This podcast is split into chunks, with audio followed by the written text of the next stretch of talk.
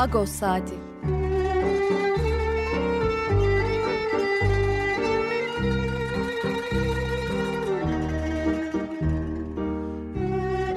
Haftalık Agos gazetesinin penceresinden Türkiye ve Dünya gündemi. Agos'un mutfağından haberler, söyleşiler, olaylar.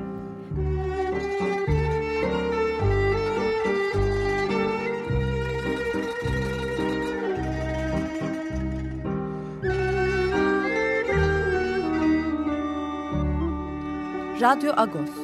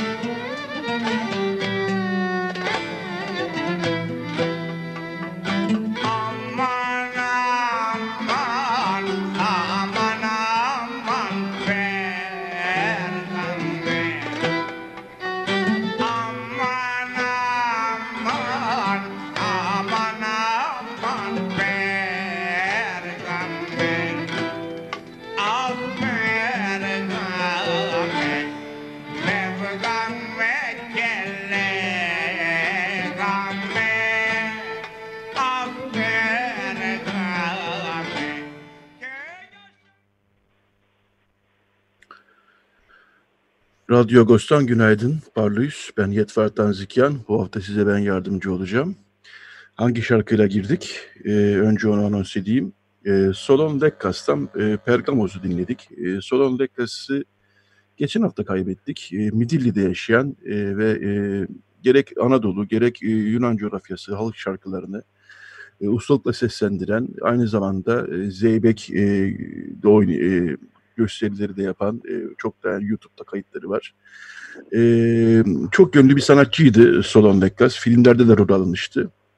Solon Dekkas'ı e, geçen hafta kaybettik. E, onun anısına ondan e, bir şarkı dinledik. E, Pergamos'u dinledik. Geçen hafta e, başka bir kaybımız da oldu. Daha doğrusu geçtiğimiz günlerde. Türkiye'de yaşayan İranlı e, sanatçı e, Cavit Mürtezoğlu'nu da kaybettik ne yazık ki pandemiden. E, onu da anacağız program içinde. Ondan da şarkısını çalacağız, sesini duyacağız. Şimdi e, bu hafta e, Ağustos'ta neler var hemen onu e, anons edeyim. E, ilk bölümde yani birazdan e, halk sağlığı uzmanı Profesör Doktor Kayan Pala ile konuşacağız. E, Kayan Pala çünkü aylardır uyarıyor pandemiyle mücadele konusunda doğru gitmeyen noktaları altını çiziyor ve e, son birkaç gündür tekrar eskiye dönüş yolunda da hızla ilerliyoruz. Ki eskiye dönüş demek doğru mu? Zaten belki de hiçbir yere gitmemiş pandemi hep yanı başımızdaydı. İkinci bölümde avukat Ali Elbeyoğlu ile konuşacağız. E, bu Danıştay'ın Ayasofya kararındaki gerekçe yani vakfiyeye gönderme yapması e, Ermeni toplumunun e, el konan mülklerinden Sana Seren Han'ın durumunu bir kez daha gündeme getirdi. E, Anayasa Mahkemesi'nde bekleyen bir başvuru vardı zaten. Yeni bir başvuru daha yapıldı ve Danıştay'ın gerekçesi oraya sunuldu. E, onu da avukat El, Elbeyoğlu ile konuşacağız. Son bölümde de e, gazeteci Sarkis Kaserciyan, e, Şam'da yaşıyor gerçi ama Beyrut coğrafyasına çok yakın. Sarkis Kaserciyan'la hem Beyrut'taki patlama sonrası yaşanan e, insani krizin boyutlarında hem de siyasi krizin boyutlarında hem de Beyrut'ta önemli bir Ermeni topluluğu var biliyorsunuz. E, Ermeni toplumunun ne durumda olduğunu konuşacağız.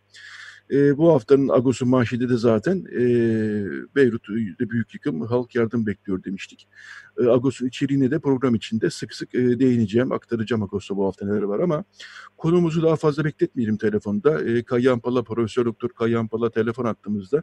Günaydın Kayyan Bey. Günaydın, iyi yayınlar.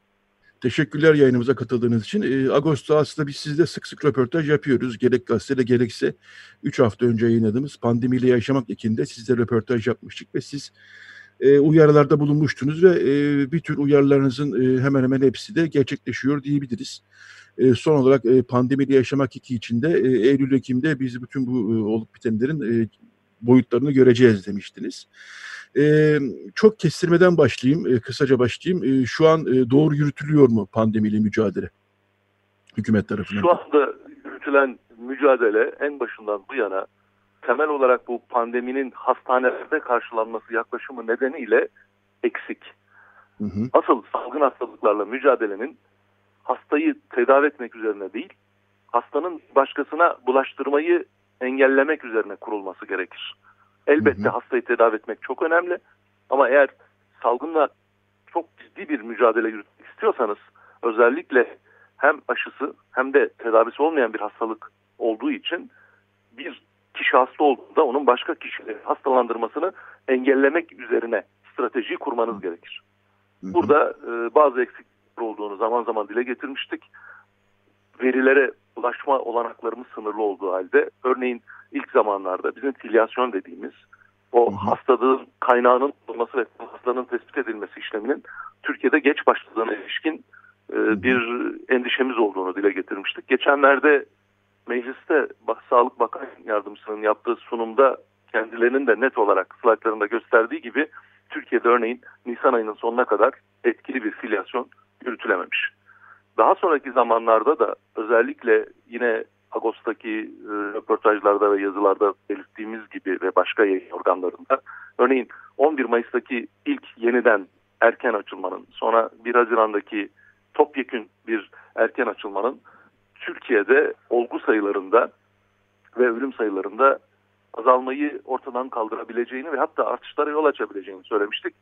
Maalesef o öngörülerimiz de doğru çıktı. Dolayısıyla bugün dünyadaki örneklere baktığımızda asıl odaklanmamız gereken yer bir hastanın başkalarına bulaştırmanın engellenmesi. O konuda bazı eksiklikler olduğu özellikle hem hastaların saptanmasında hem de izole edilmesinde sıkıntılar olduğu her geçen gün ortaya çıkıyor. Hastaların saptanmasıyla ilgili de Dünya Sağlık Örgütü'nün test test test diye özellikle vurguladığı çok sayıda test yapma yaklaşımının Türkiye'de gecikmeyle karşımıza gelebildiğini ancak gelen bu test yaklaşımının da içeriğinin çok net olmadığını söylemek zorundayız. Ne gibi? Şu anda biliyorsunuz yapılan test sayısı belli ama kaç kişiye test yapıldığı belli değil. Üstelik hmm. test yapılanların özellikleri de belli değil. Yani biz bu testleri olası vaka tanımına girenlere mi yapıyoruz? Yoksa bunların temaslarına mı yapıyoruz? Yoksa tamam amacıyla mı yapıyoruz? Bunlar elimizde değil. Bunun şöyle bir önemi var. Eğer yaptığınız örneğin gündelik 50 bin test içerisinde ağırlıklı olarak tarama amacıyla yapıyorsanız bulacağınız pozitif hasta oranı farklı. Eğer hı hı. olası vaka tanımına girene yapıyorsanız bulacağınız olası vaka e, pozitif vaka oranı farklı. Son birkaç hafta içerisinde test sayısının azalmasına bağlı olarak olgu sayısının hı hı. azalması ya da tam tersine test sayısı arttıkça olgu sayısının artışı da bu söylediklerimizi doğrular niteliktedir. Yani şöyle anlıyorum, e, önemli yani sizin talep ettiğiniz veya uluslararası düzeyin e, gerektirdiği ölçüde bir test yapılsa aslında vaka sayısı çok daha fazla çıkacak. Öyle mi anlamak lazım? Şimdikinden bile öyle fazla anlamak. çıkacak yani. Tabii öyle anlamak lazım. Bunun şöyle de bir kanıtı var. Biliyorsunuz Sağlık Bakanlığı Türkiye'de 153 bin kişiyi kapsayan bir saha araştırması yaptı. Yani kapıları çalarak kendileri başvurmadan kimlerin hasta olduğunu ve kimlerin hastalığı geçirmiş olduğunu anlamaya çalıştı. Oradan yola çıktığımızda saha çalışmasının verilerine göre Türkiye'de 200 bin civarında aktif hasta olması lazımken bizdeki hı hı. aktif hasta sayısı bunun onda biri kadar. Dolayısıyla hı hı. Türkiye dünyanın birçok ülkesinde de öyle hastaları bulmakta, yakalamakta çok güçlü bir sisteme sahip değil. Bunun en önemli nedenlerinden bir tanesi güçlü bir filyasyon uygulamasının yeterince yaygın yapılamamış olması ve bizim aktif sürveillans sistemi dediğimiz. Yani kişileri gidip bularak onları saptamak hı hı. yaklaşımına ilişkin bir sistemin kurulmamış olması. Hı hı. Yani filyasyonu şöyle anlıyoruz. Ee, hasta e, var. E, bunun bütün ilişkilerini temasta bulunduğu insanları son noktasına kadar takip ederek bütün hastaların tabii ki değil mi? E, tabloyu ortaya çıkarmak. E, öyle mi anlamak lazım tabii, filyasyon? Öyle anlayalım ama takip etmek kavramının içini dolduralım. Biz Hı-hı. Herhangi bir kişinin hasta olduğunu anladığımızda mümkünse örneğin son 3 gün içerisinde kimlerle yakın temas olduğunu saptadıktan sonra bunlara temaslı diyelim. O temasların da test yapılmasını istiyorduk ki hasta olup olmadığını anlayalım. Fakat Sağlık Bakanlığı birkaç gün öncesine kadar temaslılara rutin test yapılması yaklaşımını benimsememişti. Dolayısıyla bir hasta saptanıyor, temaslı takibi yapılıyor ama test yapılmıyor. Eğer o temaslının da kendisinde hastalık bulguları yok ise Hmm, Bunun eksik olduğunu, hastaları saptamak ve hastalarla sağlıklı kişileri birbirinden ayırmak konusunda yeterli ortamı sağlamadığını söylüyorduk. Sağlık Bakanlığı'na 4 aydır bu çağrımız pek e, kabul edilmemiş görünüyordu. Ne zamana kadar? İşte birkaç gün önce Sağlık Bakanlığı filyasyon yaklaşımını değiştirdi ve şimdi temaslara da test yapılıyor. Bu doğru bir yaklaşımdır. Memnuniyetle karşılıyoruz ama gecikmiş bir yaklaşımdır. Yeri gelmişken şunu söyleyeyim. Bizim test yapılması önerimiz yalnızca olası vaka tanımına girenler ya da onların temaslarıyla sınırlı da değil.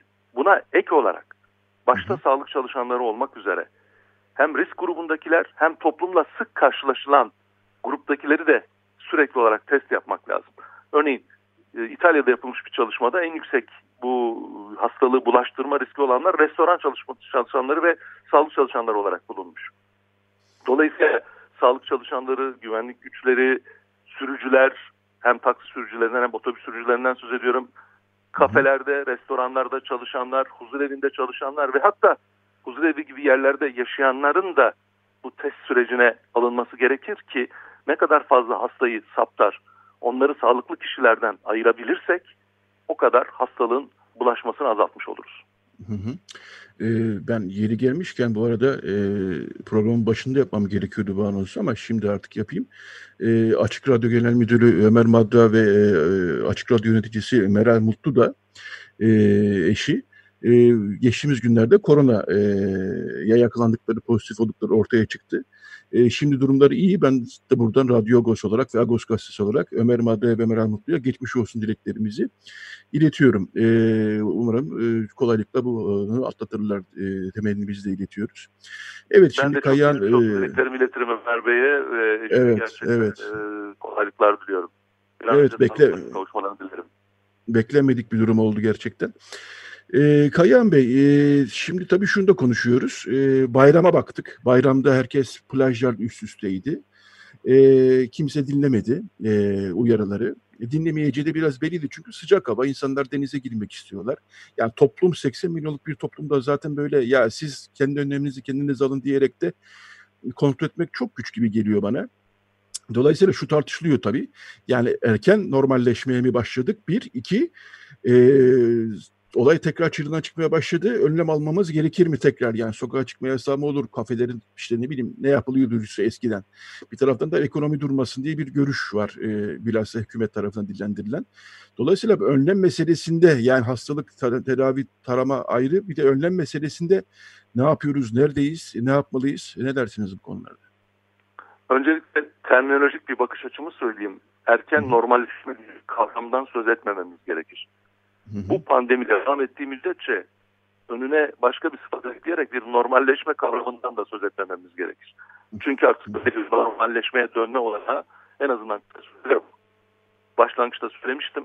Aşısı yok, tedavisi yok bir hastalıkla karşı karşıyayız. Çok kolay bulaşıyor. Ve özellikle bulaştığı insanlarda virüs yüküne bağlı olarak gençlerin bile ölmesine yol açan, risk gruptakilerini daha fazla etkileyen tehlikeli ciddi bir hastalıkla karşı karşıyayız. Dolayısıyla bir kere hastalığın ne kadar ciddi olduğunu iyi algılamamız ve topluma da iyi algılatmamız gerekir. Bu erken normalleşme değil de biz buna yeniden açılma diyoruz. Yani elbette ki sürekli bu pandemi bir buçuk iki sene devam ederse her yer kapalı kalsın diye bir görüşü savunmak mümkün değil. Elbette bazı yerler açılacaktı. Ama açılma sırasında açılma sırasına ve açılma biçimine dikkat etmek gerekiyordu. Türk Tabipleri Birliği olarak biz bunu ısrarla Dünya Sağlık Örgütü'nün yeniden açılma sırasında uyulması gereken e, ölçütler diye önerdiği kavramları da paylaşarak gündeme getirmeye çalıştık. Ama maalesef bunlar çok fazla ilgi görmedi. Dolayısıyla hı hı. ilk önce hatırlayın 11 Mayıs'ta bir erken açılma karşımıza çıktı ve 11 Mayıs'ı çok önemli buluyorum. Şu nedenle yine hatırlayın 11 Mayıs'ta AVM'ler gibi büyük kapalı alanların açılmasına izin verildi. Oysa 11 Mayıs'ta parklar gibi büyük açık alanlar henüz kapalıydı. Dolayısıyla bu gerçekten anlaşılması kolay bir kavram değil. Sonra 1 Haziran'da bir erken açılma oldu. Onun üstüne yine hatırlayın iki tane çok büyük sınav hem lise giriş hem üniversite giriş sınavları ve daha sonra da özellikle 1 Temmuz'dan itibaren düğünler, nişanlar gibi etkinlik, takım eğlence yerlerinin açılması gibi yaklaşımlar oldu. Burada şunu söylememiz gerekir. Türkiye'de sağlık okur yazarlığı düşük. Bunu biliyoruz. Bunun üstüne bir de bu hastalığın ne kadar ciddi bir hastalık olduğunu anlatmakta yeterince insanlara da algıyı yükseltmekte başarılı olamadığımız için ve adına da normalleşme denilen bir süreç insanların karşısına getirildiği için insanların büyük bir bölümü sanki artık bu hastalık sıkıntı yaratmayacak gibi bir algıya kapıldılar ve maalesef bazı akademik ünvanlı kişilerin de çıkıp yaz geliyor merak etmeyin yazın bu sorun çözülür hastalık ortadan kalkar gibi yanlış bilgilendirmelerle de toplumu yönlendirmesinin etkisiyle insanlar biraz gerçekten e, bizim istediğimiz davranış kat, paternin dışına çıktılar. Yani fiziksel uzaklığı korumaktan uzaklaşan, hı hı. kimi zaman maske takmayı bile önemsemeyen bir yaklaşıma yöneldiler. Ben burada bir kere pandemiyle mücadelenin bireye indirgenmesinin doğru olmadığını vurgulamak isterim. Hı hı. İkincisi bunda bu tür davranışları sergileyen insanları suçlayarak da sorunu çözemeyiz. Hı hı. Şu silsileyi aklımızdan çıkarmayalım. Bulaşıcı hastalıklarda başarıda ilk sırada merkezi hükümetin alacağı kararlar, sonra yerel yönetimlerin alacağı kararlar, sonra hı hı. kamu ve özel sektörün alacağı kararlar ve bunun üstüne bireyin davranışının eklenmesiyle başarılı olmak mümkün. Dolayısıyla ilk sırada alınacak kararları bir kenara bırakıp sorumluluğu bireye indirgeyerek, onu suçlayarak süreçle ilgili e, görüş açıklamaya çalışmak bence doğru bir yaklaşım değil. Bunun doğru olmadığını da çok küçük bir örnekle anlatabiliriz. Yani birey fiziksel mesafeye çok uysa, her yerde maskesini taksa, sürekli ellerini yıkasa bile eğer çalıştığı iş yeri ortamında bu sağlanamıyorsa ki Çanakkale'den ve Manisa'dan nasıl tipik örnekler olduğunu siz de biliyorsunuz. Hı hı. Ya da işine gidip gelmek zorunda kaldığı sırada toplu ulaşımı kullanmak zorundaysa ve orada örneğin fiziksel mesafe sağlanamıyorsa ki başta İstanbul olmak üzere özellikle büyük kentlerde bunun sağlanamadığı ilişkin onlarca örnekler var. O zaman birey istediği kadar kendisi kendine dikkat etmeye çalışsın bu süreçte başarılı olamayacaktır. Dolayısıyla kurumsal ve toplumsal önlemler ön plana çıkartılmadıkça biz hı hı. bu pandemide başarılı bir mücadele veremeyeceğiz. Evet, dolayısıyla aslında bu bu kadar rahatlık, e, yani hükümet açısından, merkezi e, yönetim açısından bu derece rahatlık e, çok da iyi değil gibi gözüküyor. Bir şey daha, aslında bir iki sorum daha var ama süreyi de iyi kullanmak adına hemen sorayım. Okulların açılması diye bir meselemiz var. Şimdi okullar açılacak dendi. Hatta Ağustos'un sonunda yanlış bilmiyorsam ve vaka sayısı tekrar yükseliş trendine geçti. E tabii veriler haklı olarak çocuklarım okula açılsa bile göndereyim mi göndermeyeyim mi diye düşünüyor. E, okulların açılması konusunda sizin düşünceleriniz nelerdir? Ben uygun koşullar sağlanabilirse okulların açılması gerektiğini düşünüyorum. Ama uygun Hı. koşulları sağlayıp sağlayamadığımızı iyi denetlememiz lazım. Hı. Batı'da tartışılırken bu süreç günde 100 binde birin altında yeni olgu sayısının altına düşmesi gerektiğine ilişkin vurgular var. Okulların kendi koşullarıyla birlikte. Ancak Türkiye'de özellikle yeni olgu saptamada test yapma ölçütleri değiştirilmeksizin böyle bir kavrama girilecek olursa 100 binde bir rakamı tek başına bu süreci değerlendirmemiz için yetmeyecektir. Ancak örneğin Finlandiya, Hollanda gibi ülkelerde okullar yeniden açıldıktan sonra bir e, salgında artış gözlenmemiş. Neden? Çünkü her bir sınıfta 16-17 tane öğrenci var. Okulun hı hı. koşulları çok uygun. Okula gidip gelme sırasında bizdeki gibi minibüslerle, servislerle çocukları götürtülen bir yaklaşım yok. Ya çocuklar yürüyerek gidiyorlar ya bisikletle gidiyorlar. Dolayısıyla bunlar göz önüne alınarak ve eğitim bilincilerle bu karar vermek gerekir. Çünkü önümüzde İsrail gibi çok kötü bir örnek var. Bakın hı hı. İsrail salgının birinci dalgasını tamamen sönümlendirdikten sonra okulların açılmasına karar verdi Okullar açıldı ve İsrail'deki kaynaklar bilimsel yayınlara bakacak olursanız fiziksel mesafe, el yıkama gibi kavramlara dikkat edildiği söyleniyor. Hı. Ama okullar açıldıktan 10 gün sonra iki ayrı okulda salgın çıktı ve o salgının etkileri çocuklar evlere de bu virüsü taşıdıkları Hı. için İsrail'de ikinci dalganın ortaya çıkmasına yol açtı. Şu anda İsrail'de ikinci dalga birinci dalgadan daha güçlü bir şekilde yaşanıyor. Dolayısıyla okulların açılmaması diye bir süreç elbette söz konusu olamaz ama okulların Hı. açılması için gerekli koşullar hem salgının kontrol altına alındığının kesin kez ortaya konması hem de Hı. okullardaki koşulların yani sınıflarda öğrenci başına düşecek alan, okullardaki yüzeylerin e, yeterliği, yeterince temizlenmesi gibi koşullar bir de özel okullarla kamu okulları arasında eşitsizliği daha da artıracak yaklaşımlardan uzak durarak yerine getirilebilirse o zaman okulların açılması uygundur ama şu koşullarda bugünkü verilere dayanarak Ağustos'ta okulların açılmaması gerektiğini düşünüyorum ben. Eylül için daha sonra yine o verilere dayalı olarak bir değerlendirme yapılabilir. Anladım. Ee, son bir soru soracağım. Ee, sağlık çalışanlarında kayıplar e, son bir haftada arttı. Türk Tabipler Birliği de bununla ilgili açıklama yaptı. Ee, sağlık çalışanlarının çalışma ve çalıştırılma koşulları yani kendi sağlık koşullarıyla ilgili de sanıyorum büyük sorunlar var. Öyle mi? Kesinlikle haklısınız. Maalesef Sağlık Bakanlığı en son Nisan ayı sonunda açıklamıştı. 7400 kadar enfekte sağlık çalışanının varlığını biliyoruz. Sonrasında resmi bir rakam açıklanmadı. Ama ölenlerin sayısı 50'yi geçti ve daha e, bizi yakından ilgilendiren bir süreç sağlık çalışanlarında artık bir tükenmişliğe doğru gidiş var. Çünkü uzun süredir çalışıyorlar. İş yükleri çok arttı, çok yoruldular.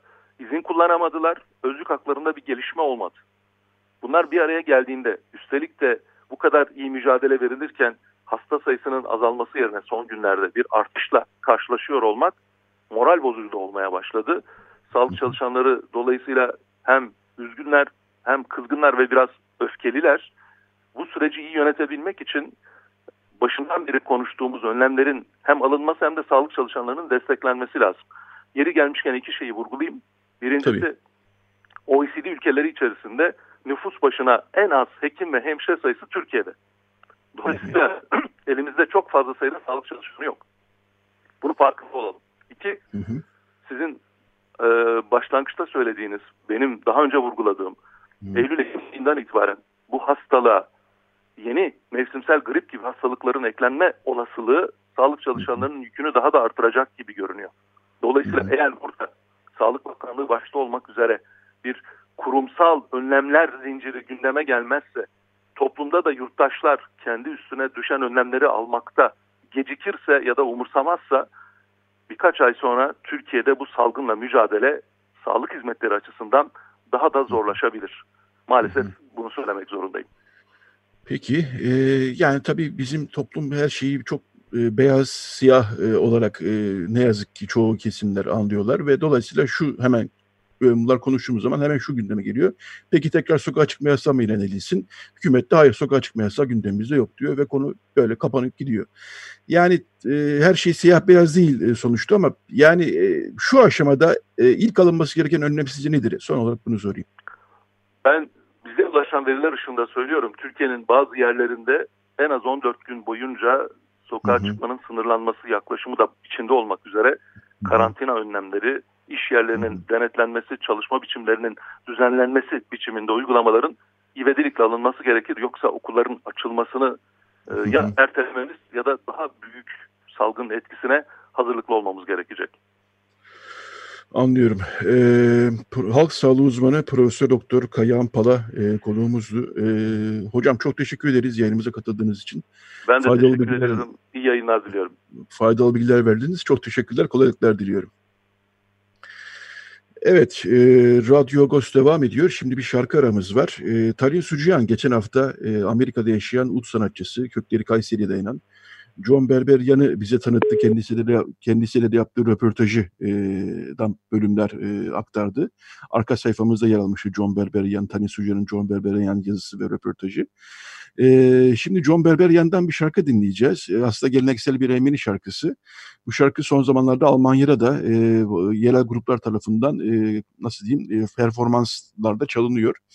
E, evet John Berberyan'dan Nubar Dubar dinleyelim. Daha sonra bir reklam arası. Sonra e, gene bir şarkı ve Radyo Agos devam edecek. E, önemli konuklarımız olacak. Evet şimdi e, söz ve daha doğrusu mikrofon John Berberyan'da. Evet, Radyo Agos devam ediyor. E, reklamdan önce John Berberyan'dan e, Nubar Nubar'ı dinlemiştik. E, reklamdan sonra yani biraz evvel de Fung İstanbul, Türkiye'de kurduğu bir grup. Onların Nubar Nubar e, yorumunu dinledik. Şimdi Radyo Gos'un bu bölümünde e, Avukat Ali Elbeyoğlu telefon attığımızda konuğumuz olacak. E, Avukat Ali Elbeyoğlu e, e, e, azınlık vakıflarının birçok el konan mülklerinde e, dava sürecini yürüten bir isim. E, son olarak da e, Sanasaran Han e, gündeme geldi biliyorsunuz. Nasıl gündeme geldi? Danıştay Ayasofya kararının e, Ayasofya'yı camiye e, dönmesi yönünde bir karar verirken daha doğrusu 1934 yılındaki Bakanlar Kurulu kararını iptal ederken vakfiye hukukuna e, gönderme yaptı. E, Fatih Sultan Mehmet'in vakfiyesine gönderme yaptı. Bu e, tartışılıyor bir taraftan ama sonuç olarak e, vakfiyeye Danıştay'ın böylesi bir gönderme yapması tabii ki e, vakfiyesi olan azınlık, vakfiyesi olan ve el konmuş azınlık vakıflarının mülklerini gündeme getirdi. Bunların en önemlisi Sirkeci'deki Sanasaryan Han. Çünkü Sanasaryan Han'ın Gırdıçağı Sanasaryan tarafından bir e, yazılmış bir vakfiyesi, yazdırılmış daha doğrusu bir vakfiyesi var. E, ve e, Ermeni toplumuna, e, Ermeni gençlerinin eğitim ve öğretim ihtiyaçlarına e, hasredilmesini e, ne, e, yazıyor vakfiye. E, dolayısıyla vakfiyesi olan bir e, hana e, binaya, mülke el konması zaten bir sorundu ve Danıştay kararının e, gerekçeli kararıyla birlikte bu konu artık iyice gündeme geldi ve zaten Anayasa Mahkemesi'ne yapılmış bir başvuru vardı çünkü Sana Seren Han e, mazlut vakıf sayıldı ve Vakıflar Genel Müdürlüğü uhdesine geçirildi ve bununla da yitirilmeli e, ihaleyle kiraya verildi Sana Seren Han. Şimdi söz Ali Erbeyoğlu'nda. E, günaydın Ali Bey. Günaydın Yatrat Bey, günaydın Agos dinleyicileri. Merhabalar. Ee, şimdi Merhaba. bu e, aslında çok açık her şey e, bir taraftan böyle özetleyince. Ama hukuki süreç ne yazık ki çok karmaşık ilerledi bu işte. E, Patrikhane'nin açtığı bir dava vardı. Siz yürüttünüz o davayı sana Saran evet, geri evet, almak için. evet. E, Yargıtay ilk başta e, yani yerel mahkeme e, davayı reddetti e, benim e, bildiğim kadarıyla. Daha sonra Yargıtay e, Patrikhane, Ermeni Patrikhanesi'ni haklı buldu. Fakat bir sene sonra tam tersi bir yönde karar alarak e, Sana Saranhan'a el konmasını öyle tarif edelim biz e, normal buldu ve bunu da e, siz de Anayasa Mahkemesi'ne başvurdunuz ve tam evet. bu süreç e, ilerlerken Sana Serenhan'da e, kiraya verildi. Evet, evet şimdi siz Danıştay kararı, gerekçeli kararı daha doğrusu niye önemli e, azınlık vakıfları açısından öyle başlarsak e, iyi olur herhalde. Ee, şöyle ben kısaca süreci e, dinleyicilerin de anlatması için E, çok kısa bir özet geçeyim. Yani o, karmaşık bir hukuki süreç işliyor ama e, işin aslı e, birkaç cümlede özetlenebilecek nitelikte. E, biz e, davamızı e, şuna dayandırdık. E, dün, e, Sana Saryanhan e,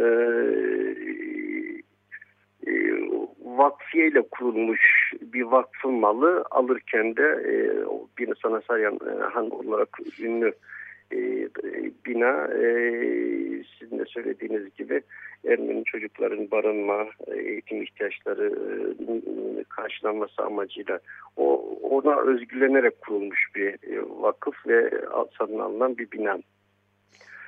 E, dava e, yaklaşık 2013'ten beri devam ediyor. Çok değişik aşamalardan geçti.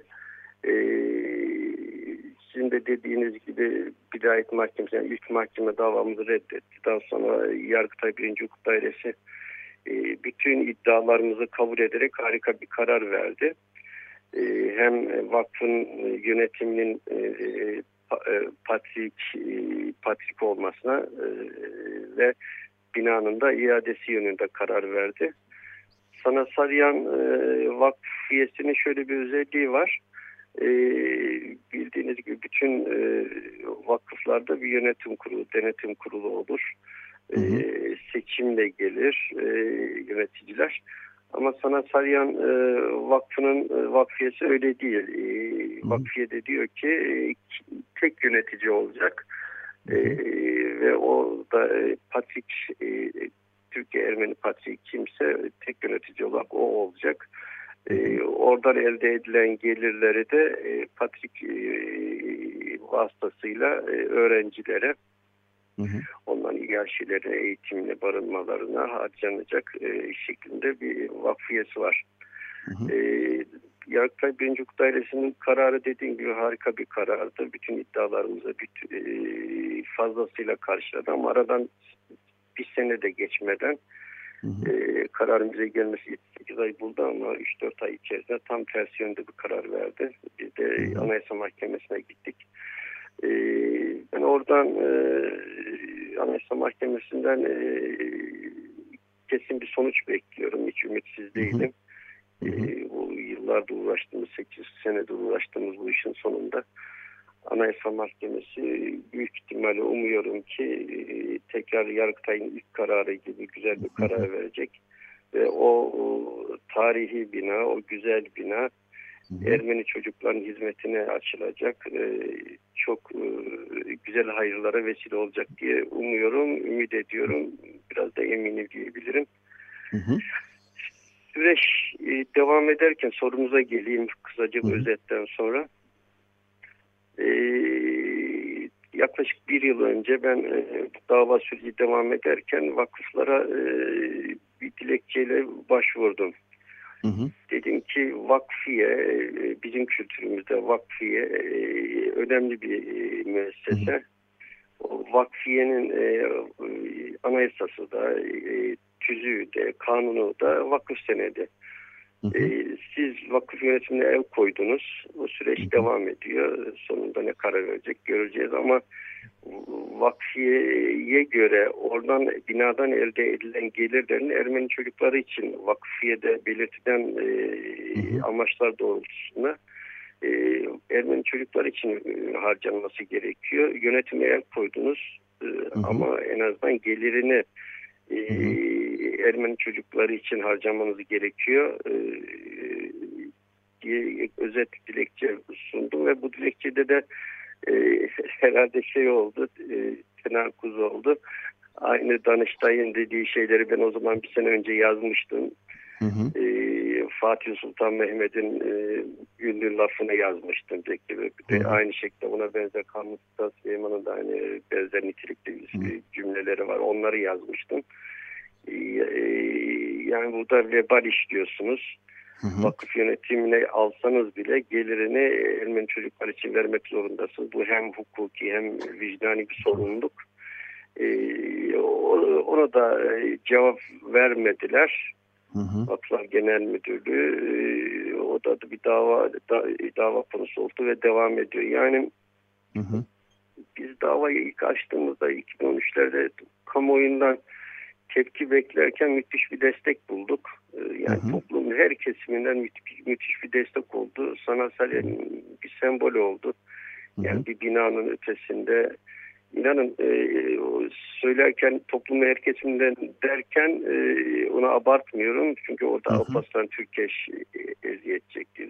Dönemin aydınlarının e, tamamı orada e, ben işkence gördü evet. geçti e, diye ifade etmiştim. Orada her, herkesin bir, bir toplumun her kesimin acısı var ve e, herkes de haklılığımızı kabul ediyor e, ama e, mahkeme süreçleri e, çeşitli etkiler altında olduğunu zannediyorum. E, hı hı. Şey, davamızı sonuçlandıramadık. E, hı hı. Hala devam ediyor süreç ama ben dediğim gibi sonunda e, e, alacağız inşallah. Yani o, o bina e, Ermeni çocukları için e, kullanılacak. Yani elimizden gelen her şeyi yapıyoruz, yapacağız ve sonuca da ulaşacağız diye tahmin ediyorum. Peki bu Danıştay kararı yani Danıştay Ayasofya için verdiği gerekçeli karar yani karar e, gerekçeli karardaki e, hükümleri e, söylediği sözler sonuçta bir emsal olacak değil mi? Emsal olması gerekir. Tabii Çünkü... ki yani tabii ki emsal. Yani aslında Danıştay'ın o kararı yani benim şahsi görüşüm Ayasofya'nın açılması sadece cami yanından açılmasını ben şahsen e, e, benimsemiyorum ama hı hı. Danıştay madem böyle bir karar verdi, Danıştay'ın kararını şey olarak okursanız yani Ayasofya'dan bağımsız değerlendirirseniz Ayasofya konusunda herkesin değişik görüşleri olabilir. Hı. Hepsine de saygı duyuyoruz ama hı. e, Danıştay'ın o gerekçeler haklı gerekçe. Yani e, bir Şimdi vakıf öyle bir şey ki e, siz e, bir malınızı bir hizmet için e, vakfediyorsunuz. Yani bu e, toplumsal bir e, ihtiyaç e, çay hizmet e, vakfediyorsunuz. Yani bu devletin yapması gereken bir görevi toplum olarak bir insan, hayırsever bir insan bunu üstleniyor. Yani bu saygı duyulacak bir şey. Güzel de örnekleri olmuş. Güzel de bir meselesi olmuş. Yani Danıştay'ın o kararı bence e, bağımsız olarak değerlendirinde o gerekçeleri e, gayet e, e, hakkaniyete uygun. Hı hı. Ee, Sanatsar'ın önünde enteresan bir durum daha var. Yani e, geri verilmesi tezlerini destekleyen 1930'larda yani bu vakfiye uygun olarak da 1930'larda zaten Sanasarya'nın gelirlerinin e, Yatonagan Okulu'nda Ermeni Okulu'nda verilmesi gündeme gelmiş. Hatta bir dönem Gettonagan Sanasaryan Okulu olarak iki isimde e, faaliyet göstermiş Gettonagan Okulu değil mi? Yani zaten bu yapılmış onu demek istiyorum zamanında. Var hem de e, ya Sanasaryan Vakfı binadan elde edilen gelir de diğer Ermeni okullarına da dağıtılmış 1930'lara 40'lara kadar. Ya bunu hı hı. Osmanlı döneminden bahsetmiyoruz yani evet. Cumhuriyetlik dönemlerinde e, hatta yani ilk döneminde atlattık baktığımız süreye kadar zaten bu bina kullanılmış. Oradan elde edilen sırf sanatsal okullarına değil diğer Ermeni okullarına da dağıtılmış oradan elde edilen gelir. Hı hı. Ee, yani o zaman şartlar altında e, bu hizmeti zaten görmüş. Garabet hı hı. E, çok daha sonra başlamış. Hukuki garabetten bahsetmiyorum. O zaten dava hı. konusu e, yani hukuken de vicdanen de e, yani tutarı olmayan bir uygulamadan bahsediyoruz. Uygulama hala ısrarla devam ediyor. Hı hı. Peki bir soru daha var. Ee, sorum daha var daha doğrusu. Böyle vakfiyesi olan e, yani şimdi azınlık vakıfların mülklerini ikiye ayırıyoruz. Bir e, 34 kararname e, kararnamesiyle kayda geçen vakıf malları.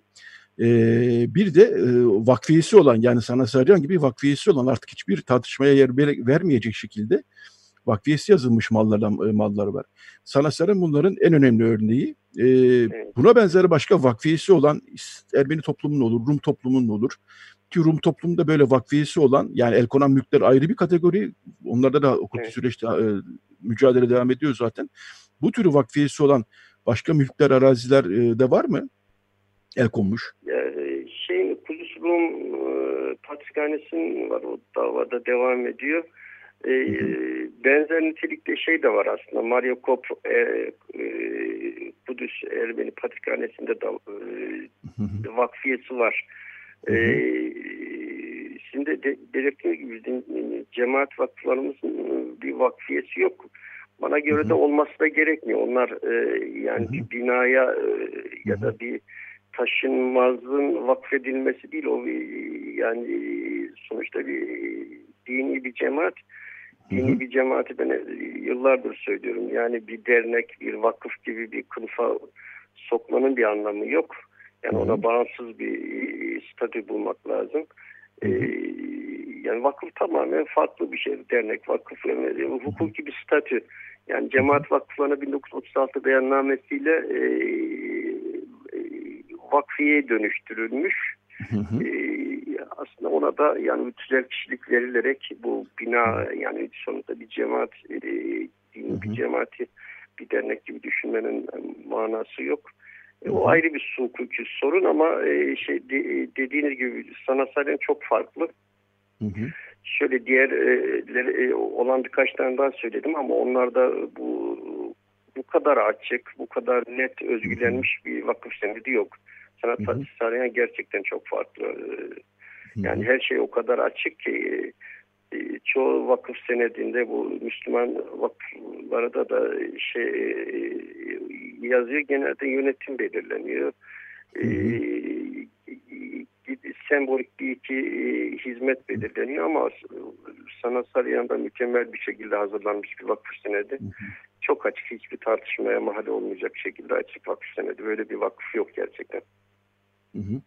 Evet, e, siz e, geçtiğimiz hafta dolayısıyla Danıştay kararını, gerekçeli kararını e, da örnekleyerek e, Anayasa Mahkemesi'ne ek e, destekleyici mahiyette bir başvuruda daha bulundunuz. E, dolayısıyla evet. Sana Saryan'la ilgili e, hukuki süreç e, devam ediyor. Anayasa Mahkemesi'nde bekleyen zaten sizin başvurunuza. Böylece Danıştay evet. kararı da, e, gerekçeli kararı da eklenmiş oldu.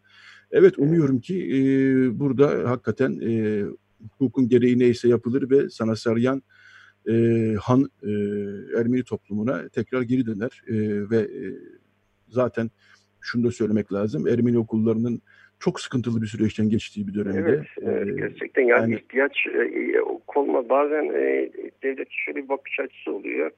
E, tamam o zamanda özgülenmiş bir hizmet ama o, o hizmete gerek kalmadı artık şeklinde el koymalar oluyor ama burada yani gerçekten e, yani hukuki yanını vicdanını bir kenara bırakın gerçekten ihtiyaç var yani hı hı. o vakfı zamanında kuranlar çok büyük bir irade göstermişler. Hı hı. Gerçekten ya bugünkü Ermeni okullarının iş paraya ihtiyacı yok mu? Yani herkes, bir herkes biliyor ki var. Ee, çok evet, çok zor durumda olan okullar var gerçekten. Evet, evet. Ee, dolayısıyla biz burada artık e, gazetede zaten işliyoruz e, sürekli olarak e, buradan da bir kez daha duyurmuş olalım. E, Sana Seren Vakfı'nın artık e, Ermeni toplumuna geri dönmesi için umuyoruz ki gerekli adımlar atılır. Artık yani itiraz edecek bir yerde yok. E, her türlü hukuki e, mülaza e, bunu zaten Aynen. gösteriyor bize.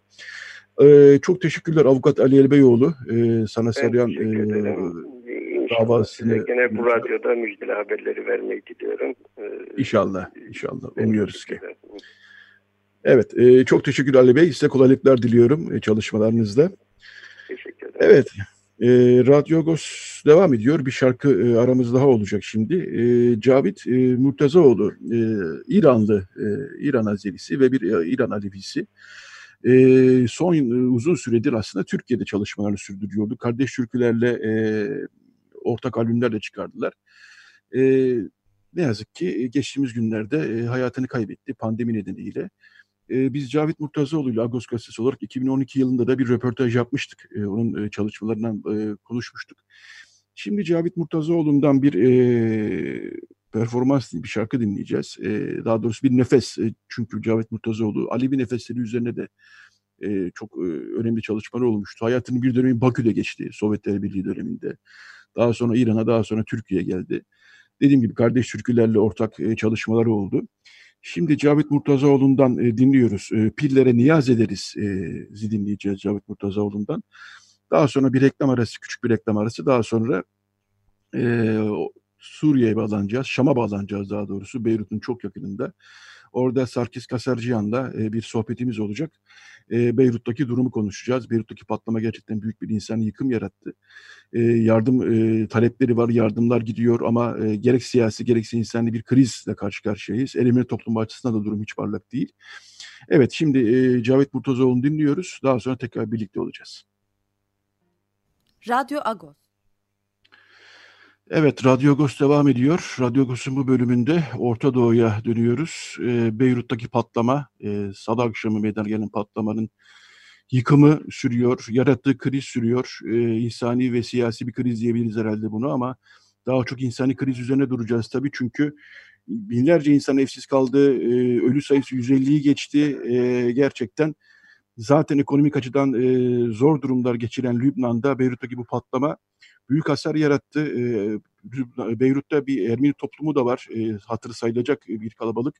Onlar da zor durumdalar. Şimdi bu bölümde biz e, Şam'a dönüyoruz. E, Sarkis Kaserciyan Beyrut'ta çok yakın bir coğrafyada ve çok da sıkı bağlantıları var.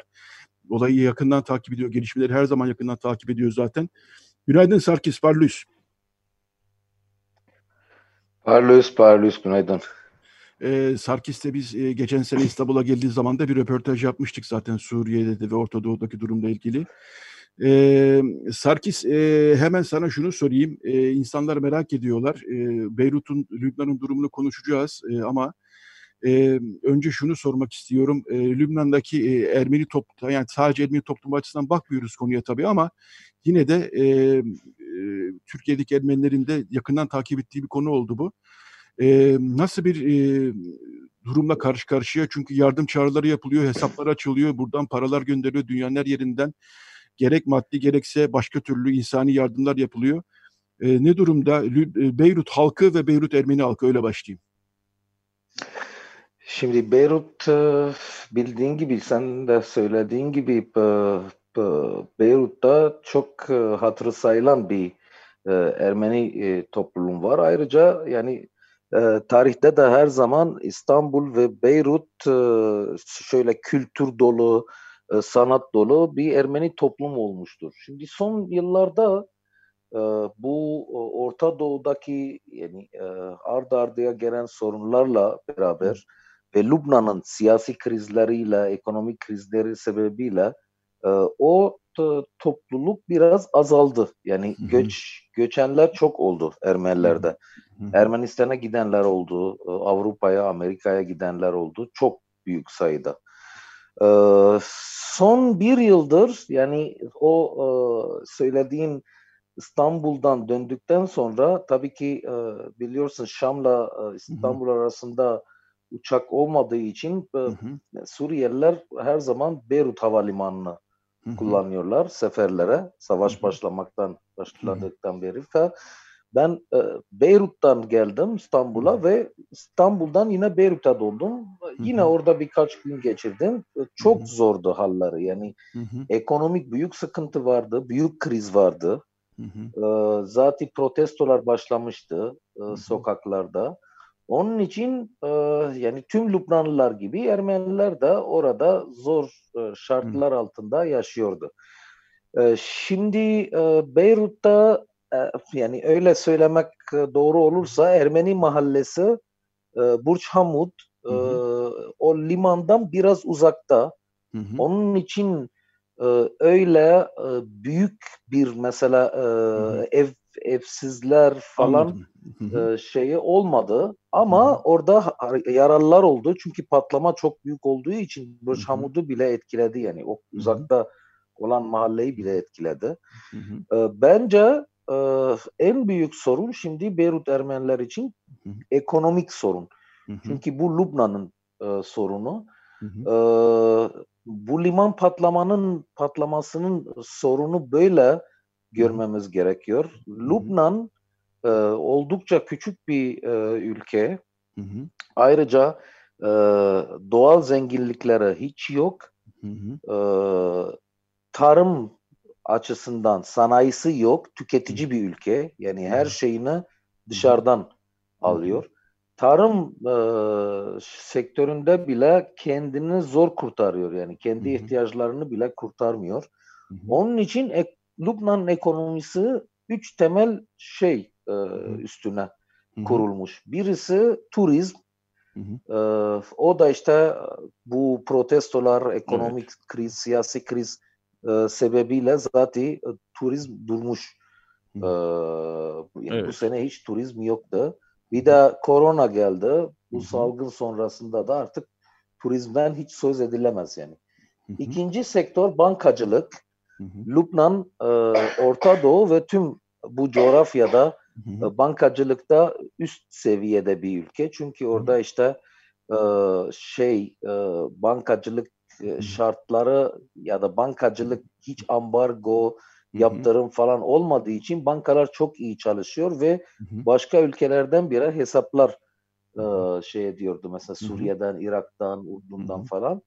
E, ama protestolar başladıktan sonra bu dolar sorunu yaşadıktan sonra insanlar artık güven güvenini yitirdi o bankalara. Onun için bankacılık sistemi de çok iyi çalışmıyor son arada.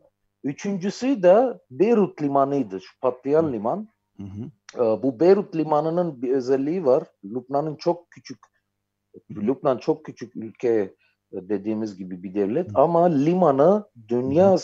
seviyesinde dördüncü limanı hı hı. büyüklüğünde, büyüklük hı hı. şeyinden. Çünkü bu liman yalnızca Beyrut, Lübnan'ı değil tüm bölgeyi hizmet ediyordu.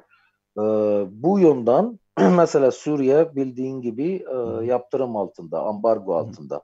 Hı hı. Suriye e, yani şimdi gıda mesela e, yaptırıma girmiyor.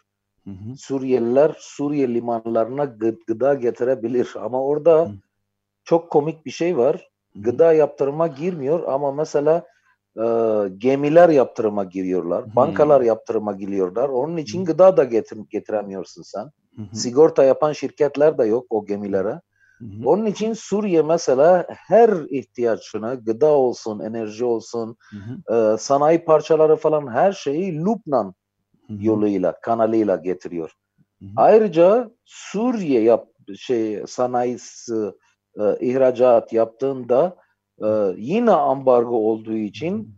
Suriye'deki Suriye'deki e, esnaflar kendi ürünlerini Lübnan'a çıkartıp orada Lübnan malı olarak ihraç ediyorlardı. Hı hı. Şimdi bu liman gittikten sonra tabii ki Suriye'de çok etkilenecek bence. Hı. Ee, ama Lübnan için o limanın e, ekonomik gelirini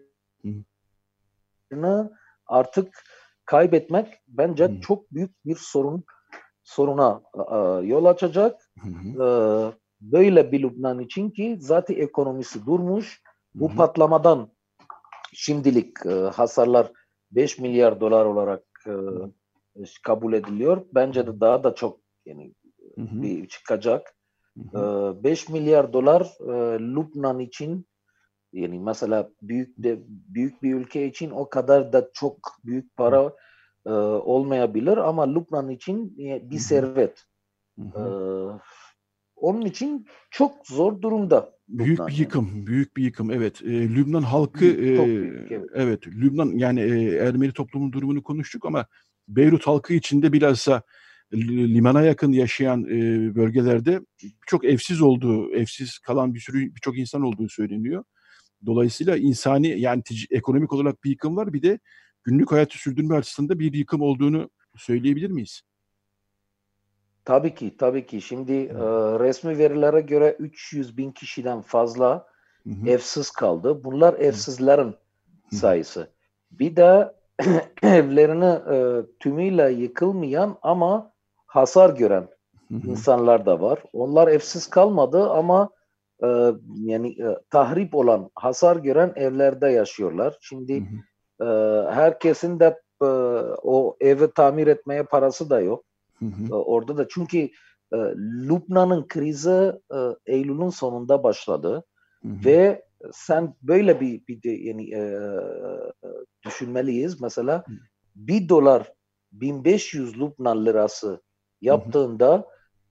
Şimdi Eylül'den bu yana yani bir seneden az hı hı. bugün bir dolar 9 yani 9 bin 8 bin 500 9 bin arasında yapıyor. Hı hı. O kadar Lübnan parası değerini kaybetti. Kaybetmiş. Lübnan lirası. Şimdi evet. burada e, artık e, ekonomik e, krizin e, yani ekonomik kriz dediğimizde hemen insani kriz e, hesaplamalıyız. Çünkü e, çok derin. Ekonom, Lübnan ekonomik krizi çok derin. Ayrıca Lübnan'da zaten hiç bitmeyen e, siyasi kriz var. E, Lübnan'da ben bundan önce de e, her zaman aynı şeyi söylüyorum. Lübnan'da e, alt siyasi yapı yok. Hı hı. Partiler yapısı var, taraflar yapısı var ama siyasi yapı o bir dediğimiz e, devlet geleneği e, siyasi normal hayatı Lübnan hiç görmedi.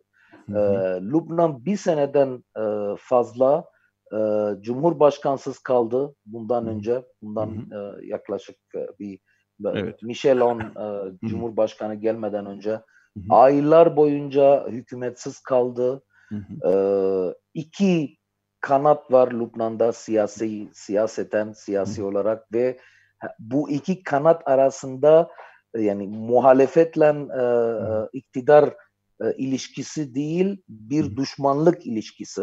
E, onun için e, bu şartlarda tabii ki insani boyut in, sorunun e, yani in, insani boyutu çok çok büyük, çok çok derin ve e, yani çok kısa zamanda halledilmez bir sorun.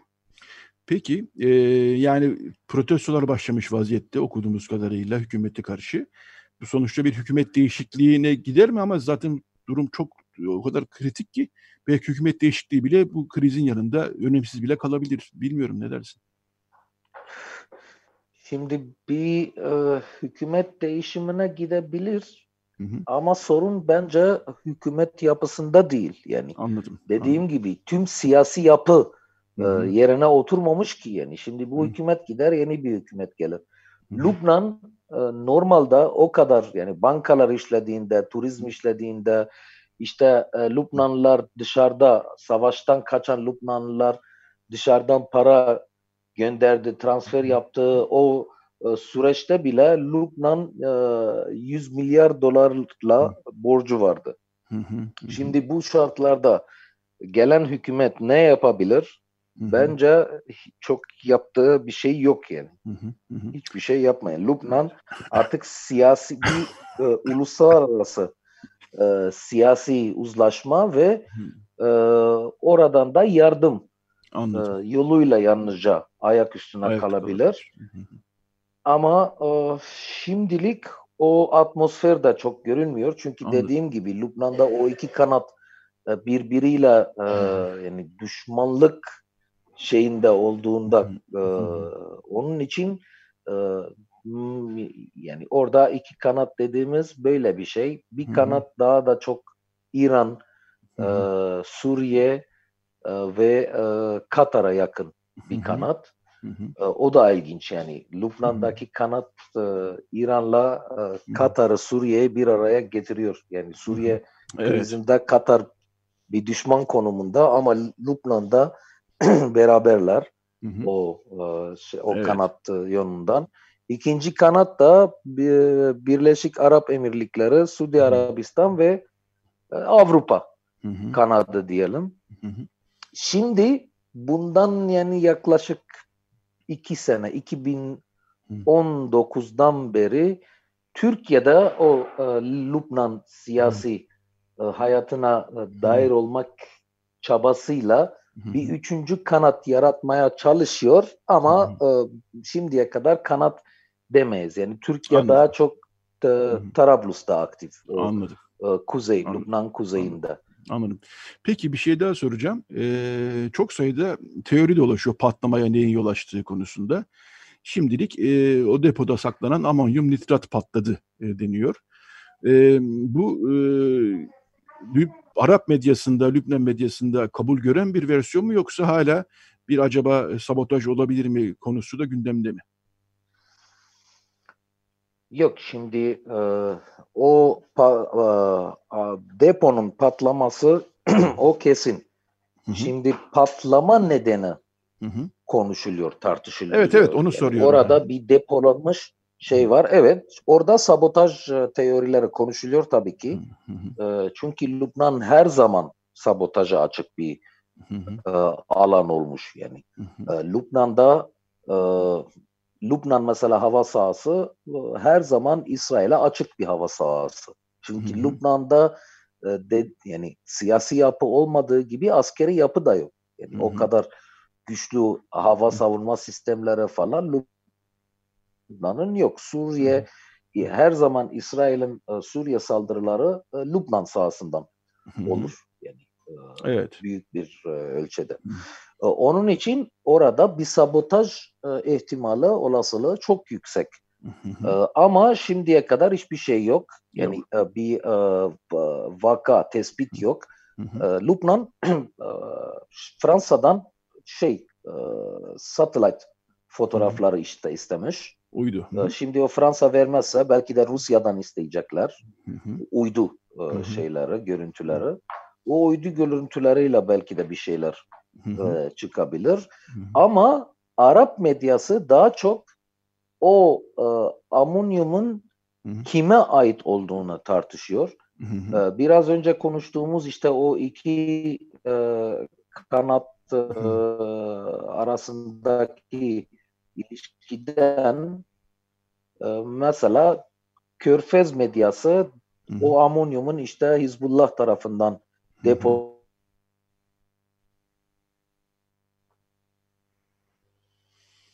Evet. E, kullanıp Suriye e, öyle haberler geçti. Buna yakın İran'a yakın medyada da işte o amonyum e, Gürcistan e, Gürcistan'dan e, Lu Evet, Lübnan'a bir, geldi. Silahlı gruplar, Suriye'deki silahlı gruplara taşınacaktı diyor. Hı hı. Orada durdu. Çünkü e, yani sen de okuduğun gibi bu amonyum 2014 yani yeni bir, bir vaka da değil yani. Hı hı. Evet, e, ufak ufak e, aksaklıklar oluyor ama duyabiliyoruz seni. E, son bir dakikamız zaten Sarkis. E, duyuyor musun bizi? Evet, duyuyorum. Tamam, peki. Ee, senin sesinin buraya gelmesinde bir sorun var ama büyük oranda konuştuk e, olup bitenleri. E, son olarak yine ben e, Ermeni toplumunun durumuyla kapatalım istiyorsan. E, Ermeni toplumu şimdi artık herhalde e, Ermenistan, Suriye, yani sanıyorum bu insani krizle başa çıkmak için kalmayı tercih edenler olacaktır ama sanıyorum göç etmek isteyenler de olabilir gibi gözüküyor. Ne dersin? Açık Radyo. Bence e, Ermenistan'a gidenler çok olacaklar. Benim yani Hı-hı. takip ettiğime göre, sorduğuma göre, insanlarla konuştuğuma e, göre. E, Suriye'ye gelenler olmayacak bence. Çünkü Suriye'nin Suriye'nin durumu da o kadar da e, stable değil. Hı-hı. Ayrıca Suriye'de de derin bir ekonomik kriz var. Bölgede bir kriz var yani. Yalnızca evet, Suriye'de evet. değil. Ee, Ermenistan'a gidenler hı hı. çok olacak. Çünkü e, orada ilk ilk şey olasılık akla gelen şey Ermenistan. Hı hı. E, Lübnan Ermenileri için. Hı hı. E, orada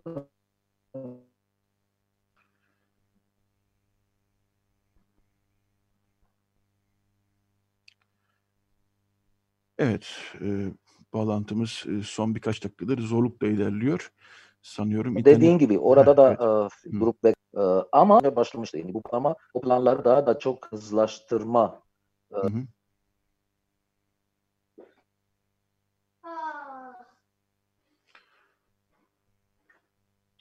Duyuyor musunuz beni efendim? Evet, e, zorlukla duyuyoruz. E, Sarkis istiyorsan e, zaten süremizin sonuna geldik. E, konuşacaklarımızda konuşmuş olduk. E, tekrar seninle konuşuruz zaten hafta önümüzdeki haftalarda. E, bu kriz çünkü devam edecek. Çok teşekkürler yayınımıza katıldığın için. E, sağ olasın. Sana kolaylıklar diliyoruz.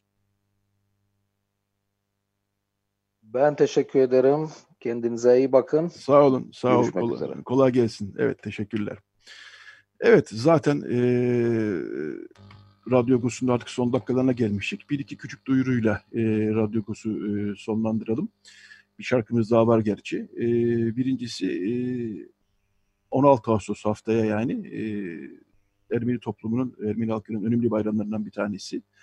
E, onu şimdiden kutlayalım. E, bir de festival olacaktı Kınalı'da da, Üzüm Festivali. O festival e, iptal edildi, onu bir duyuralım.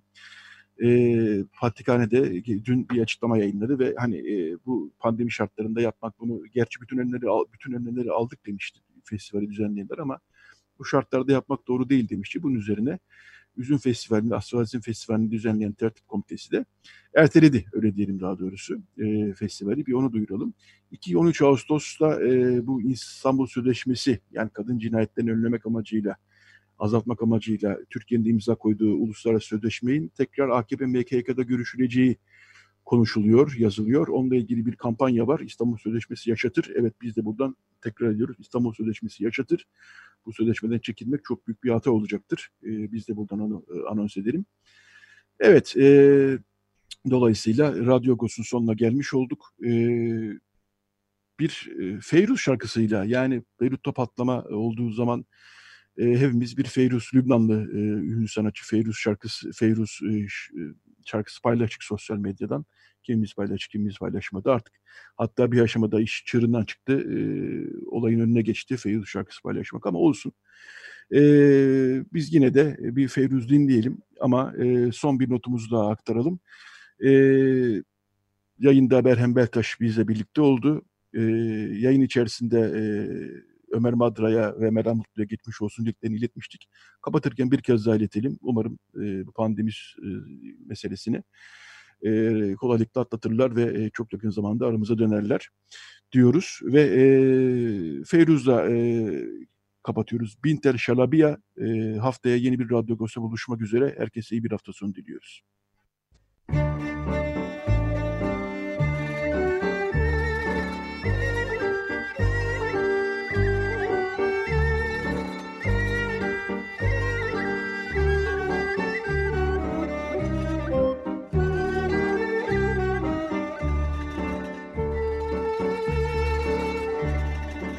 Agos Saati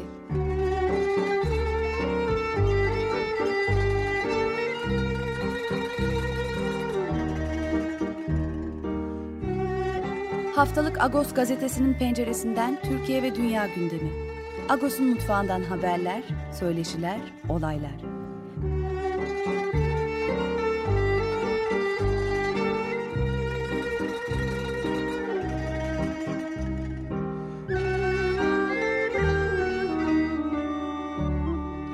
Radyo Agos.